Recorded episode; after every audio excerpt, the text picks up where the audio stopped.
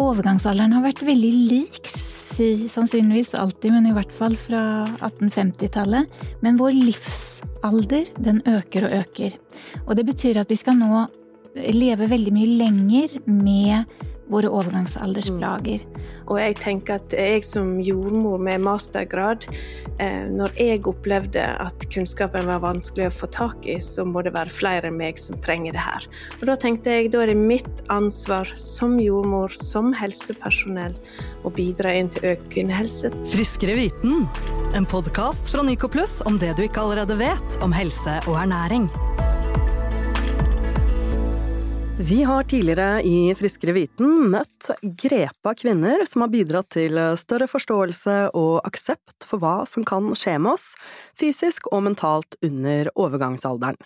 I dag har vi med oss to eksperter som til daglig snakker med, og til, kvinner om de utfordringene mange møter på i overgangsalderen, og som ikke minst gir gode råd og støtte som kan bidra til å takle denne bedre. Ja, jeg sitter da som gynekolog i praksis og treffer mange kvinner hver eneste dag, og bruker mye av tiden min til å informere om overgangsalder, fordi kvinner vet generelt ikke så veldig mye om overgangsalder, det vil si at menstruasjonen roter etter hvert, og at man kan få hetetokter eller tørre slimhinner i skjeden, det vet til og med menn, vil jeg påstå, eh, og kvinner også. Eh, men utover det så, så, står det ganske dårlig til med den kunnskapen. Så jeg informerer og informerer.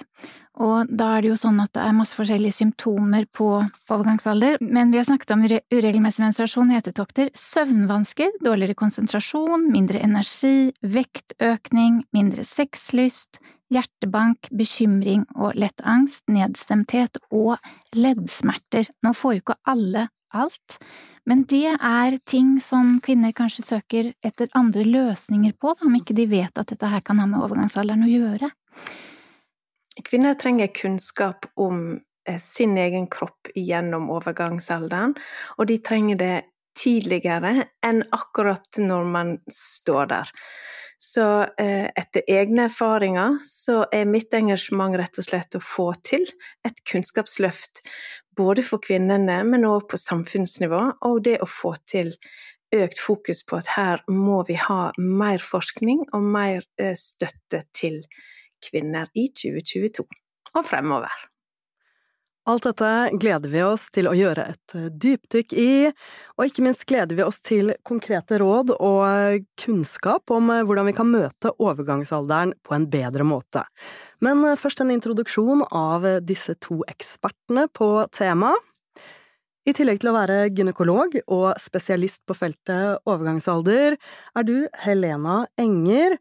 Du har også skrevet boka Hetetokter og kalde fakta. Hva var det som inspirerte deg til å skrive denne, og hvorfor og for hvem er denne boka viktig?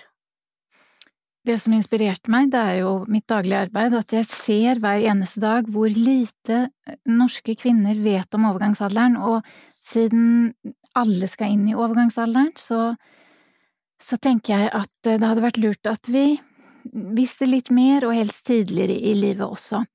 Så det er veldig lett å finne dårlig informasjon om overgangsalderen, fordi media er fylt av dårlig informasjon. Eh, til og med offentlige sider er fylt av informasjon som er mer skremmende og vanskeligere å forstå enn det de burde være. Så når jeg hadde en pasient som informerte om overgangsalderen og hormonterapi, eh, og hun sa jeg skal på hyttetur, dette skal jeg fortelle for alle venninnene mine, og når hun da kom tilbake og sa de trodde ikke på meg fordi de googlet, og så sa de det er ikke det som står her. Og da tenkte jeg nå må det gjøres noen ting. Og så snakket jeg med min flinke redaktør, Anne Marie Løvenskiold, og så sa hun dette burde man skrive bok om. Og så ble det sånn. Det er rett og slett en bok som ikke fantes og ikke finnes? I, i, forskjellige former finnes det jo bøker om overgangsalder, men jeg tenkte jeg som gynekolog har mulighet til å informere om det kroppslige med overgangsalder, eh, det fysiske, og også hva man kan gjøre for alle de som ikke har en god overgangsalder, for der er det behandling å få. Ja. Betryggende å høre allerede før vi starter. Med oss har vi også en, eh, for mange, kjent stemme som har bidratt til å sette temaet kvinnehelse og overgangsalderen på agendaen. Anita Prante, du er jordmor, og har også skapt deg en liten følgerskare gjennom både blogg og podkast, der du er kjent som Menopause by Anita. Hvorfor begynte du med dette prosjektet?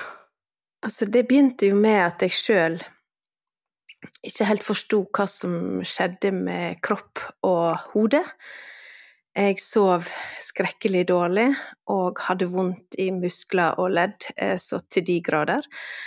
Så begynte jeg å søke etter kunnskap, fant veldig lite. Det her er jo tilbake 2019 eh, ca.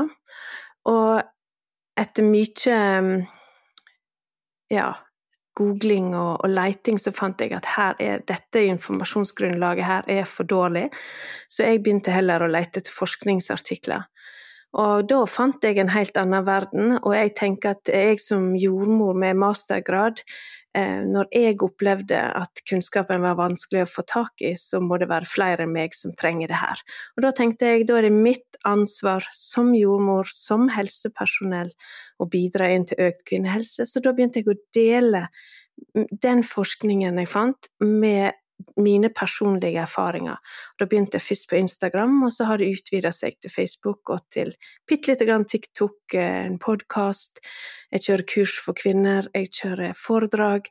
Og alt det her gjør jeg med en, med en ambisjon om at vi skal være den generasjonen som forandrer overgangsalderens historie, eller hva skal jeg si, overgangsalderens eh, rykte. Så dere har litt samme drivkraft, at dere opplever begge to at informasjonen mangler, så noen må gjøre det, la oss gjøre det. um, ja. Og dere to er jo også, kaller dere det, Meno-venner, og har gjort en del ting sammen. Fortell litt om hva dette samarbeidet gir dere. Jeg kan jo si at jeg har vært så heldig å få lov å bli invitert til Menopause by Anita. Eh, og tenker at vi utfyller hverandre på en måte. Eh, jeg har jo mye de forskningsartiklene som Anita snakker om, eh, de kjenner jeg jo til, så jeg er vel kanskje den medisinske delen av det hele, og Anita er til dels medisinsk del og mye annet i tillegg.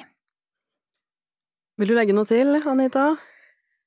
Ja, absolutt. Vet du at jeg har jo ukentlig eh, henvendelser fra kvinner, og de lurer på så mange detaljer om alt ifra er jeg helt normal, er dette her normalt, til er hormonterapi livsfarlig, kommer jeg til å få brystkreft i morgen hvis jeg begynner i dag?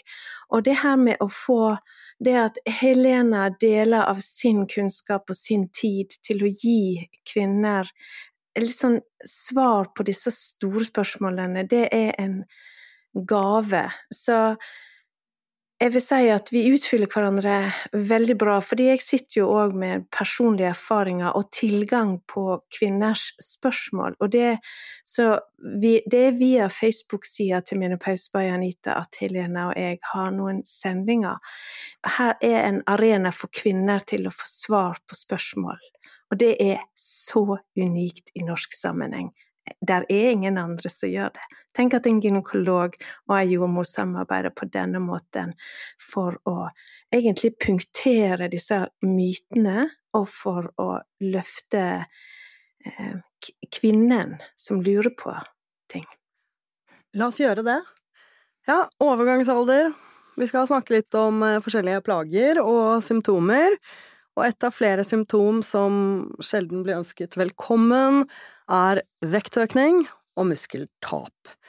Hva er egentlig årsaken til det, og i hvilken grad kan man forebygge eller motvirke?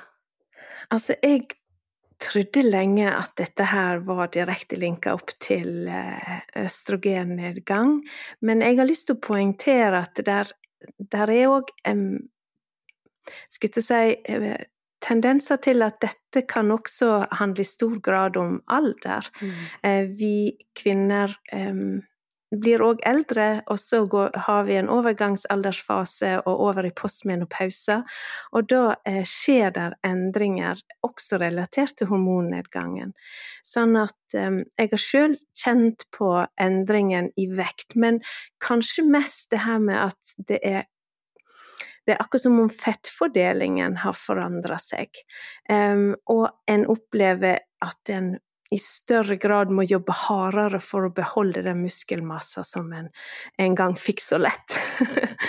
og, og, og, der er det òg det her med at nå vet vi jo at østrogen er viktig, det er et steroidehormon som er viktig inn mot um, ivaretagelse av muskler og ledd og og ikke minst eh, fettbildet. Eh, ja, fett eh, Jeg tror vi må si det litt sånn folkelig. Litt sånn fettsommersetninger i blodet. Ja. Sånn at det kan være en faktor, men i seg sjøl så, så er jeg òg nysgjerrig på hva er kvinners erfaringer med vektøkning?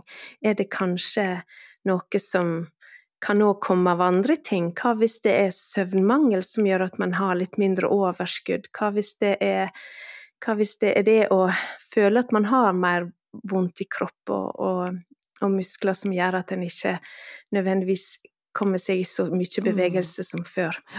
Det er en tanke jeg har, i alle fall. Ja, det er ikke nødvendigvis A fører til B, men det litt, kan være litt mer sammensatt uh, enn som så. Er det trening og aktivitet som er uh, løsningen eventuelt, hvis man uh, man, man, kommer jo langt med trening og holde seg i aktivitet, spise sunt. Ehm, det er alltid lurt. Det er sånn at overgangsalderen, om man tenker på hva naturen har tenkt med oss, så har nok naturen i utgangspunktet tenkt at når vi kommer opp i en alder på rundt 50 år, Eh, så har vi gjort jobben på en måte om man ser på mm. dyr. Da har vi fått våre barn og våre barnebarn, og kanskje til og med i gamle dager oldebarn. Overgangsalderen har vært veldig lik, sannsynligvis alltid, men i hvert fall fra 1850-tallet. Men vår livsalder, den øker og øker. Og det betyr at vi skal nå leve veldig mye lenger med våre overgangsaldersplager. Mm. Og da er det akkurat dette her og, og vi går inn i en slags eh, litt sånn sparebluss-modus når vi kommer i overgangsalderen. Vi springer, om man tenker på at vi skulle jage og drepe den maten vi spiser og sånn, så springer vi ikke like fort som vi gjorde når vi var 20. Så, så kroppen sparer mer på fettet vi har, i håp om at vi skal overleve, da. Nå har jo eh, verden forandret seg litt, og det blir mye Netflix og stillesitting på jobb og sånn. Så, så, det er en grunn da for at både alder og mangel på østrogen, akkurat som Anita sier, gjør at vi legger på oss på en annen måte. Mer innvendig fett, mer mavefett, mindre på rumper, eh, rumpe og, og, lår og bryster enn tidligere. Mm. Eh, og, og det er hardt arbeid om man skal prøve å holde orden på det. Det er det. Så kroppen jobber eh, litt mot deg, sånn sett. Absolutt. Men, men, hva er greia? Er det at hvis man trener, så funker ikke treninga slik den har gjort tidligere, eller er det mer sånn at eh, nå kan være en god idé å ta opp trening hvis man ikke har gjort det tidligere fordi man fikk mer gratis da, når man var yngre? Jeg vil jo si at eh, hvis du ikke har starta med trening ennå, så finnes det nesten ikke en bedre timing. Ja. For det er så masse helsegevinster, og det er, det er aldri for seint. Og en trenger ikke å begynne med den Eh, et ultraløp. En begynner med de små tingene. Men når det kommer til det her med trening, så er iallfall min personlige erfaring, og det hører jeg fra flere òg, og forskningen viser òg litt i retning av at vi trenger litt mer tid på restitusjon. Altså at eh, treningsøkt kan gjerne være, eh, være, hard, men vi trenger mer tid til hvile og til å få, få um, muskulaturen eh, Eh, over i en annen tilstand av, av eh, ja, at en trenger rett og slett mer tid på å ja. komme seg igjen etter ei økt. Ja, viktig, mm. viktig, poeng å huske på. Eh, det er jo sånn at, at, med økende alder så får vi muskelatrofi, altså våre muskler krymper seg lite grann. Og så jeg hører hver dag kvinner som sier at jeg trener akkurat like mye som før, og jeg spiser akkurat like lite som før, og jeg går opp i vekt. Mm. Og det er akkurat det som skjer, fordi vi er litt på sparebluss-modus. Kroppen trenger mindre energi for å holde kroppen i gang, og når vi da trener med våre muskler som ikke er riktig like store hos fullmåne som de har kanskje vært før, så må vi trene lenger eller hardere for å oppnå den samme virkningen på mm. muskulaturen. Så det er mye som på en måte spiller sammen, men jeg er helt enig med Anita at, at uh, kom igjen og bare kjør på. Trening er bra for alt, og det trenger ikke være intervalltrening og utholdenhetstrening. Det, små greier hjelper også. Ja. Kvinner som opplever vektøkning, der er vel noen kilo som i gjennomsnitt legger seg på en gjennomsnittskvinne, men det, liksom, det handler òg om hvordan vi forholder oss til de kiloene som kommer. Hvordan skal vi, skal vi omfavne det som har kommet med, med livet og med mm. alderen? I, um, når kvinner kommer i postmenopause, altså når det er gått mer enn tolv måneder siden sist mens, så um, har vi kvinner også litt um, østrogenreserver da, i perifert vev og i fettvev. Eh, sånn at av og til når jeg er i det der snakker meg sjøl opp-moduset, så tenker jeg alltid at ja, disse to kiloene mine, det er mine østrogenreserver, og de er jeg stolt over. De skal hjelpe meg en gang når det, når, eh, når det er smale hans her. Når, når sånn eh, kormangelen virkelig slår til? når, strøm, når strømutgiftene må opp, og jeg eh, Nei. Men det er noe med det her med hvordan ser vi det her? Sant? Skal vi akseptere at her er vi i en forandring, vi er kvinner som har erfaring, vi er kvinner som kommer over i en annen tilstand i livet, og nå er det andre ting som, som vi skal prioritere og vektlegge, og heller være stolt over at vår kropp fungerer, gjør jobben, mm. ja. holder oss i gang, og vi er relativt spreke, selv om vi har noe eh, litt fett her og der. Ja, for ikke sant, kiloene det er én ting, det får nå så være, men det er vel også sånn at ja, som du sier, aktivitet, livsstil, trening i en eller annen form, ikke nødvendigvis i verdens største form, er bra for alt. Og det er jo vel også sånn at eh, risikoen for sykdom øker i denne fasen av livet, for eksempel osteoporose eller beinskjørhet. Um, vil du si noe om det, hva som er viktig å tenke på, eller det, det, er helt riktig som du sier, at, at osteoporose eller benskjørhet, eh, det er noen ting som vi er mer utsatt for når østrogennivåene våre synker, og ett år etter siste menstruasjonen, eh, når man ikke har hatt en blødning på et år, så er man inne i det som heter klimakterie, og da er vi stort sett på null i østrogen, eh, og det er da risikoen for overgangs... Unnskyld, for det er da risikoen for eh, benskjørhet starter. Mm. Så, men å, å, trene, om man da trener og bærer sin egen eh, kropp, altså om man jogger eller om man går turer, sykler, så, så, motvirker man dette her. Det kan man i tillegg gjøre med kalsium og D-vitamin. Pass på mm. at man ikke blir for lav der. Um, og, og, det er naturligvis veldig lurt. Så må jeg bare få lov å kommentere én ting, om jeg får lov, angående dette her med med å trene for å prøve å, å, holde kroppen sunn. Det er faktisk sånn at fedme er knyttet opp mot flere kreftformer. Mm. Ja, eh, og også uh, diabetes, for eksempel. Så dette å, å, prøve så godt man kan å bygge opp muskulaturen og, og ha en sunn kropp Om man har noen kilo for mye, spiller ikke, spiller ikke stor rolle, men når man blir veldig, veldig overvektig, mm. så er det en risikofaktor for sykdom i livet. Og det er det ikke alle som vet. Nei. Jeg er enig, det er viktig, men jeg opplevde at det du sa, Anita, handla mer om ja, sant, et par kilo, man er ikke helt den man var eh, i bikinien der på stranda, og at la det gå. Men eh, selvfølgelig, som du sier, når vi snakker om eh, fedme, sykelig overvekt, så, så, er det en annen, eh, annen, ting. Jeg mente sykelig overvekt, jeg er veldig enig med Anita om det andre, at ja. et par kilo spiller ikke så stor rolle. Nei. Et annet tema som for noen bokstavelig talt er litt sårt, er jo dette med sex. Noen kvinner opplever at eh, skjeden i overgangsalderen blir tørr, og at samleie og sex oppleves eh, smertefullt. Hvorfor er det sånn? Og igjen, kan man gjøre noe, eller er gleden med skjeden en saga blått etter overgangsalderen? Vel, også årsaken til disse her vaginale endringene, og jeg må egentlig utvide med en gang til å si eh, vaginale, vulva, urinveier, bekkenmuskulatur Altså all, alt som handler om underlivet og der omkring, det blir påvirka, eh, kan bli påvirka av østrogen- og testosteronnedgang, særlig over i postmenopause. Og symptomene er jo som du beskriver, da, for eksempel eh, tørrhet i skjeden som kan gi smerte eller ubehag ved samleie. Det kan òg gi eh, til stadig tilbakevendende symptomer på urinveisinfeksjon, kløe, svie, eh, litt sånn manglende mulighet til å kunne gjøre hverdagslige aktiviteter som å sykle eller, eller ja, for de som er eller hardt ramma, eller eh, sånn som i mitt tilfelle for eksempel at eh, opplevelsen av orgasme ble heller erstatta med hjertebank, som om det var en ledningsforstyrrelse.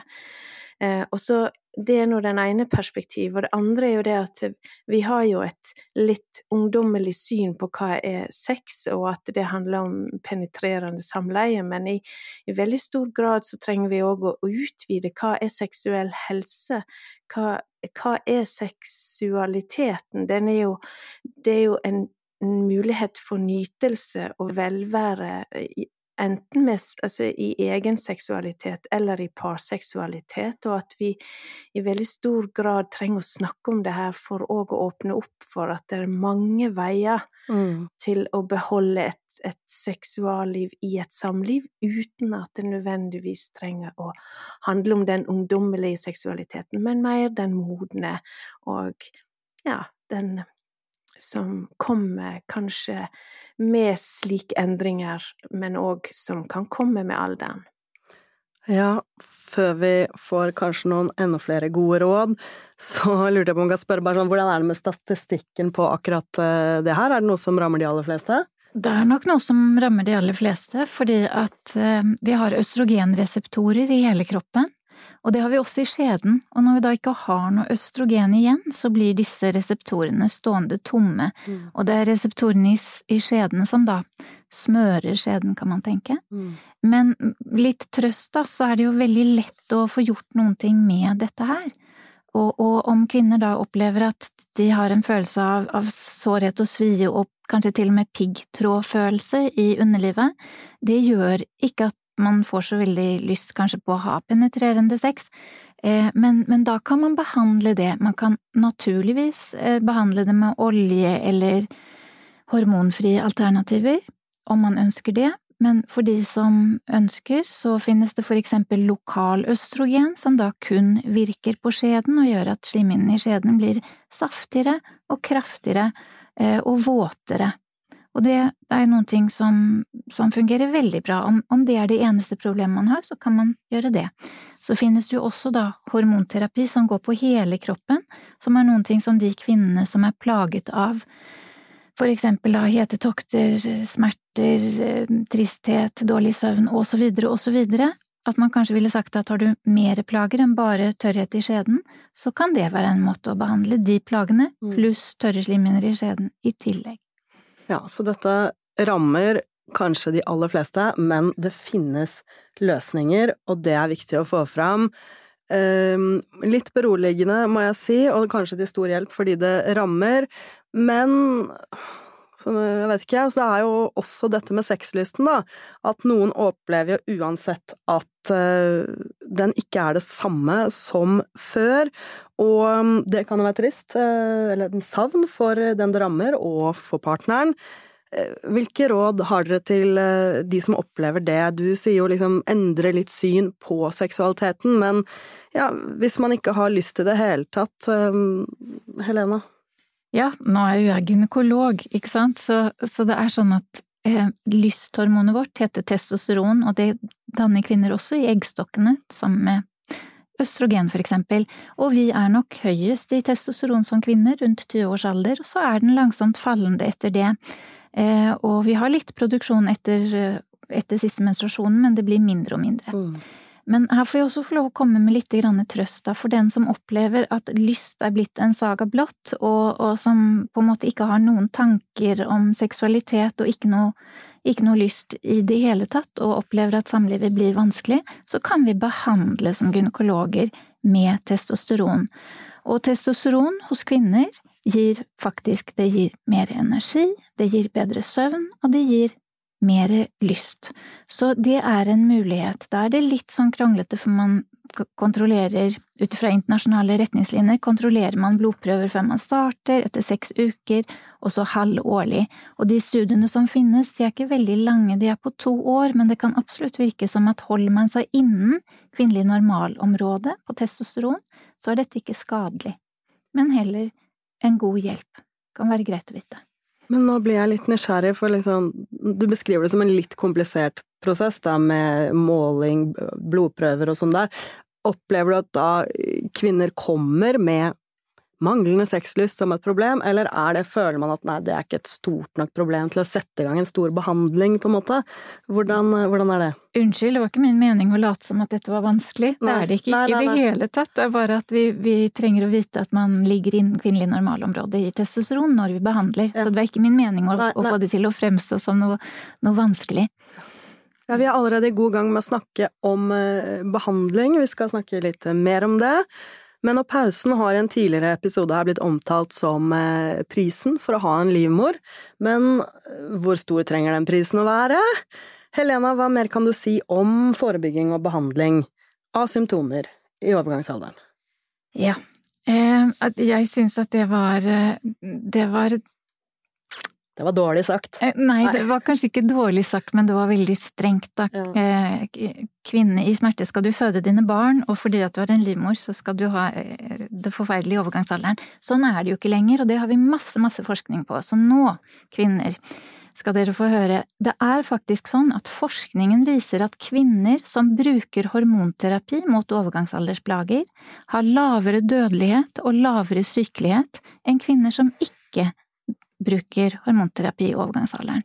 Og dette er jo nesten på grensen til skremmende, synes jeg, fordi kvinner går omkring og har det forferdelig til dels i overgangsalderen, og tør ikke å gå på hormonterapi fordi at de er redde for at de skal bli alvorlig syke. Mm. Men her er det litt det som Anita så vidt nevnte i stad, at om man gir riktig preparat, altså de beste preparatene, til riktig pasient på riktig tidspunkt i livet, det betyr før 60 års alder eller før det har gått mer enn ti år etter siste menstruasjonen, mm.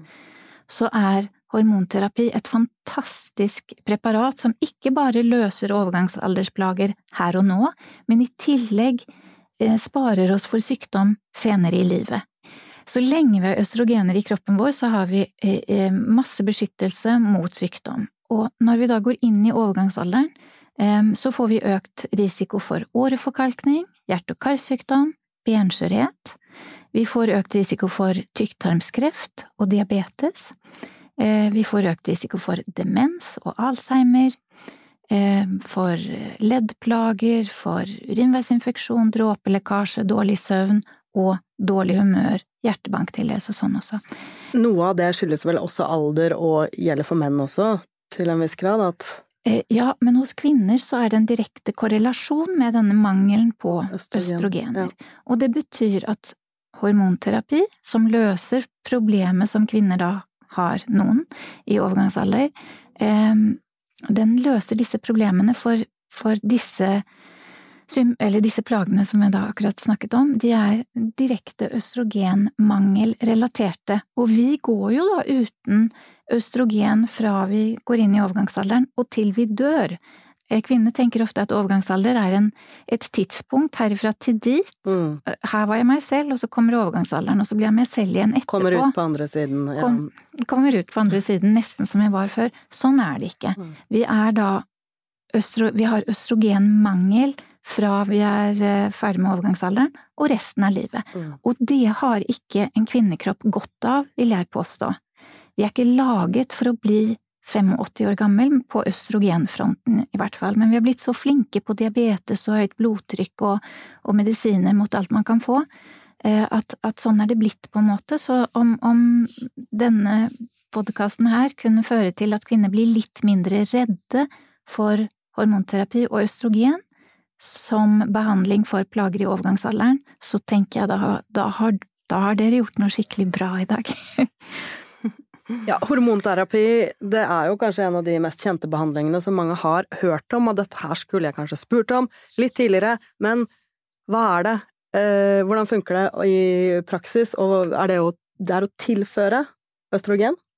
Ja, det er å tilføre en kombinasjon av østrogen og et stoff som passer på livmorslimhinnen, som kan vokse bitte lite grann når vi gir østrogen, så østrogen og gestagen, eller om jeg får lov å velge, så ville jeg ha sagt østrogen og progesteron. Mm. Eller dydrogesteron, for det er på en måte de safeste preparatene som finnes. Gir man den kombinasjonsbehandlingen, så er det ikke økt risiko for brystkreft, for eksempel, som, som mange kvinner er veldig, veldig redde for. De første fem til åtte årene av behandling, om man ser på hormonterapi generelt, så har det ikke økt dødelighet av brystkreft hos kvinnene som går på hormonterapi, sammenlignet med kvinner som ikke går på hormonterapi. Og om jeg får lov å si noe der også, folk er veldig redde for hormonterapi når det går om, om, brystkreft, at man får brystkreft av hormonterapi, men det kvinner ikke vet om, det er at overvekt er Altså, fedme er mye farligere enn å gå på hormonterapi, og det samme gjelder alkohol, og drikke mer enn ett glass alkohol per dag. Huff, nå ødelegger jeg helgen for noen her. Eh, det er faktisk farligere enn å gå på hormonterapi. Eh, og det er jo en del eh, risikofaktorer vi ikke får gjort noe med. Risikofaktor for å få brystkreft er alder, brysttetthet og gen, gener. Det får vi ikke gjort noe med, men vi kan trene, prøve å, ikke bli veldig overvektig, og vi kan redusere vårt alkoholforbruk. Det er noen ting som vi faktisk får gjort noen ting med. Mm. Jeg, har, jeg har lyst til å kommentere på at noe av det som har omgitt overgangsalderen, i alle fall eh, de siste 20 årene, er jo den her stillheten. Vi har ikke snakka om overgangsalderen. Det er, der er myter, der er tabu, det er skam, og det er stigma. Og dette her har gjort at det, det Jeg vil si at det har frarøva en del kvinner muligheten til å ta gode valg for oss sjøl. Så jeg mener at altfor mange kvinner lider i stillhet av mangel på kunnskap og av mangel på trygghet. For desto mer en veit, ikke bare om hormonterapi, men om mekanismene rundt det her, desto større mulighet har en for å kunne ta gode valg for seg sjøl.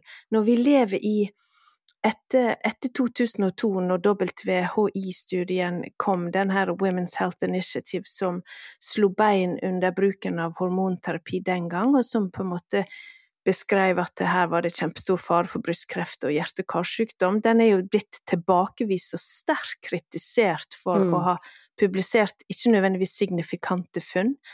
Um, så har rett og slett frykten tatt tak i oss. Og så har vi putta inn frykt der vi absolutt burde ha brukt mer eh, ressurser på fakta. Mm. Sånn at spørsmålet er eh, En del spørsmål som jeg får, det er jo det her med er hormonterapi farlig? Og der vil jeg jo si at det er svært individuelt. Ehm, I dag så har vi hatt en, en generell holdning til at det er farlig, punktum.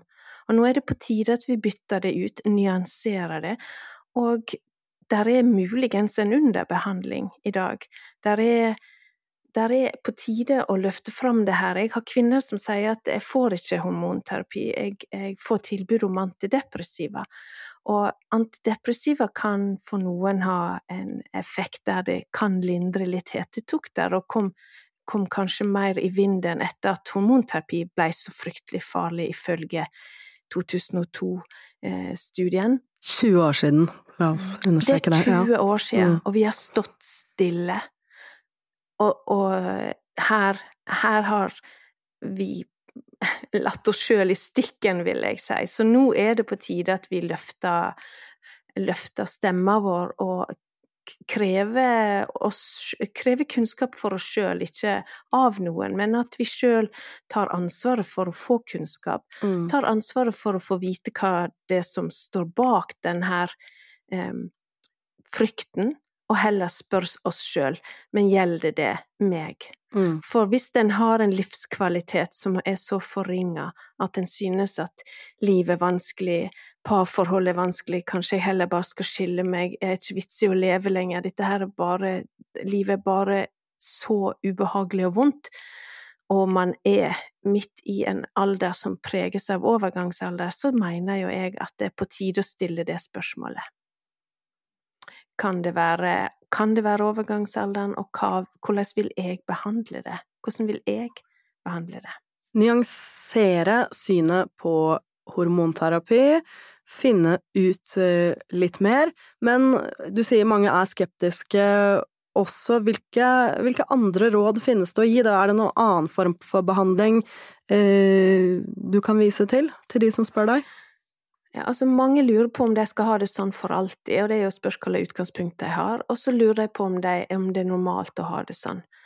Og så er det jo vanskelig å svare på det. Um, nei, det kan jo hende du får det annerledes over i postmenopause eller klimakteriet.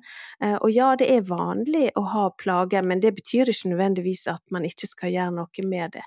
Jeg tenker at utgangspunktet for alt her er mer kunnskap. Mm. Og kunnskapen handler òg om å få vite hvor viktige livsstilsfaktorene er, før man eventuelt um, hvis man er skeptisk til hormonterapi, for eksempel, så er det jo viktig å vite har du gjort så godt du kan da innen kosthold, har du gjort så godt du kan innen trening, har du tatt vekk stressfaktorene i livet ditt, har du økt egenomsorgen, har du tatt tiltakene i hverdagen din som kan hjelpe deg videre i en bedre tilstand, for stress er ikke din beste venn i overgangsalderen, altså.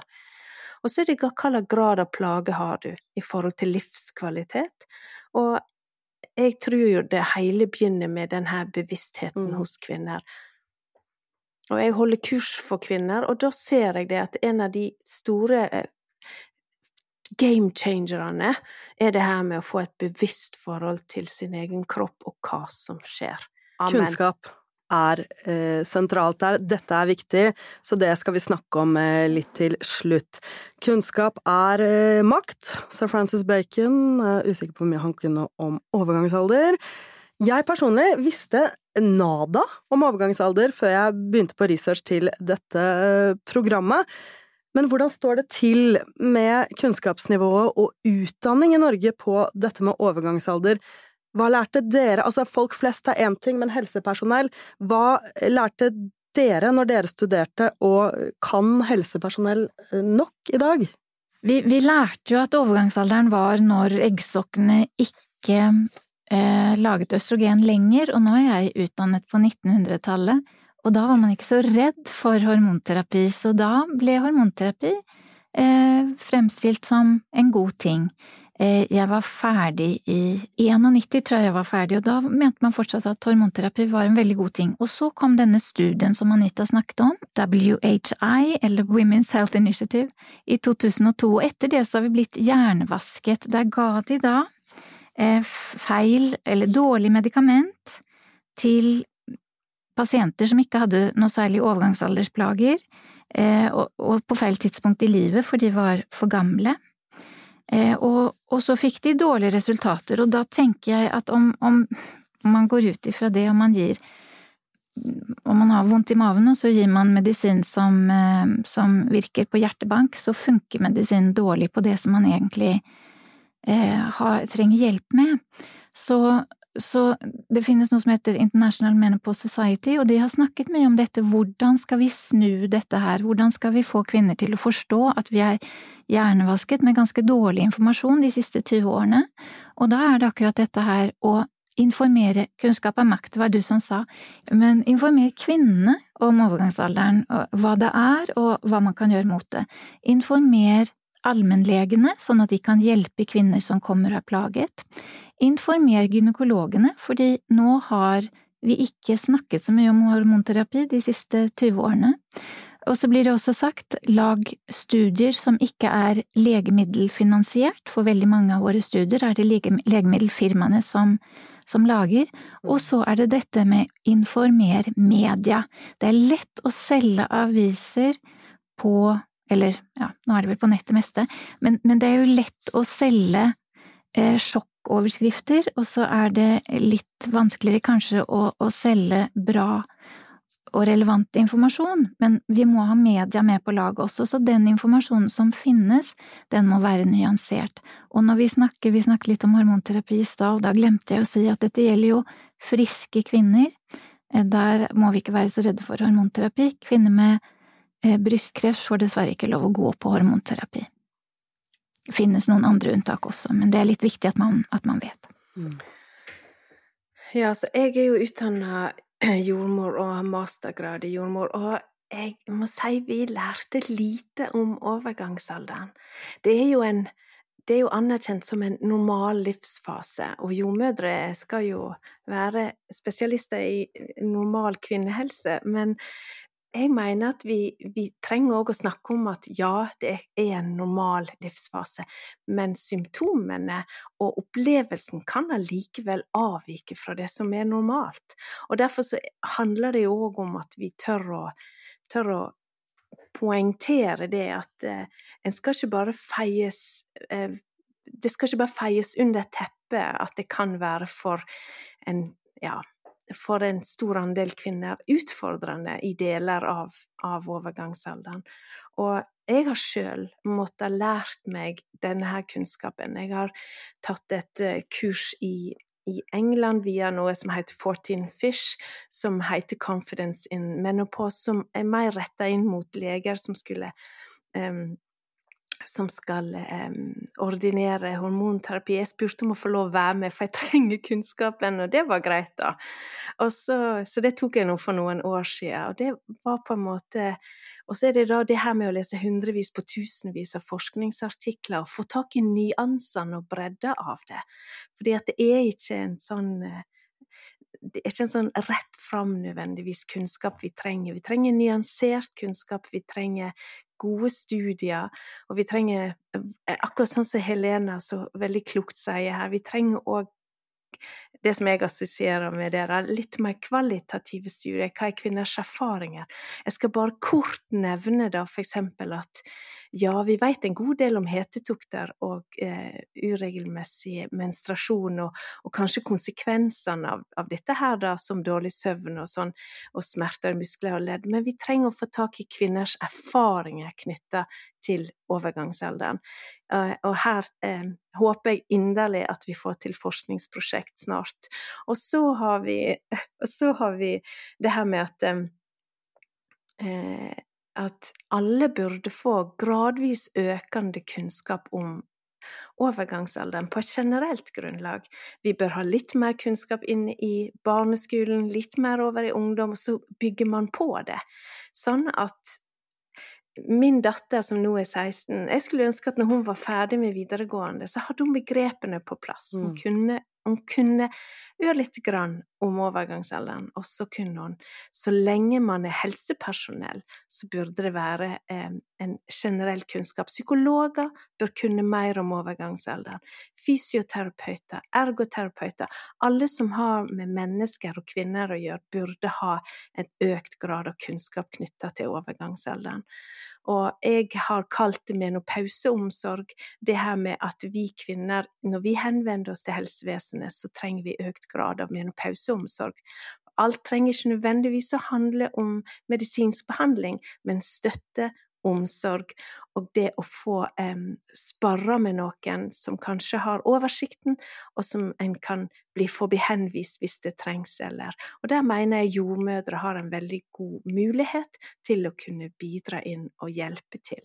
Og jeg har jo begynt Um, men uh, her, her, trengs det mer. ja, det er pionerarbeidet, så for noen der ute, hallo, følge opp. Men uh, kan vi nesten si at um, åpenhet er en slags medisin også. At det kan hjelpe på plager, rett og slett, om folk veit litt mer, og også kan ta hensyn med de som står eh, nær de som er i denne situasjonen. Ja, da har jeg lyst til å trekke fram at når, når jeg la um når jeg gikk gjennom forskningen for å bruke det inn mot kurset som jeg har, så eh, så jeg på eh, empowerment. Og det her med å hva viste de få forskningsartiklene som er gjort om um, det at kvinner mottar kunnskap, eller er med i et, eh, et prosjekt som handler om uh, gruppearbeid, eller ja. Og der viste det seg at desto mer kvinnene visste, desto større opplevelse av um, kontroll, og det igjen kunne ha en effekt inn mot at det opplevdes mindre um, strabasiøst, det man opplevde. Så det er et viktig argument. Det kan faktisk gi mindre plager om man har litt oversikt. Jeg bobler litt over av flere spørsmål, egentlig mye også ut fra helt eh, personlig nysgjerrighet, men jeg ser at vi må begynne å avslutte. Så Helena Enger og Anita Prante, tusen takk for eh, kunnskapsdeling, gode råd og ikke minst engasjement rundt dette å sette overgangsalder og kvinnehelse på agendaen. Og tusen takk til deg som uh, hører på. Håper du kanskje har fått med deg noen verktøy til å ta grep om egen helse i en fase av livet som egentlig ellers kan være ganske fin. Lytt gjerne til vår andre episode om overgangsalder, der Britt Ingjerd Nesheim, Eli Kari Gjengedal og Dora Toralsdottir deler sine erfaringer og anekdoter om overganger. Jeg heter Arnhild og ønsker deg en fin dag videre. Vi høres.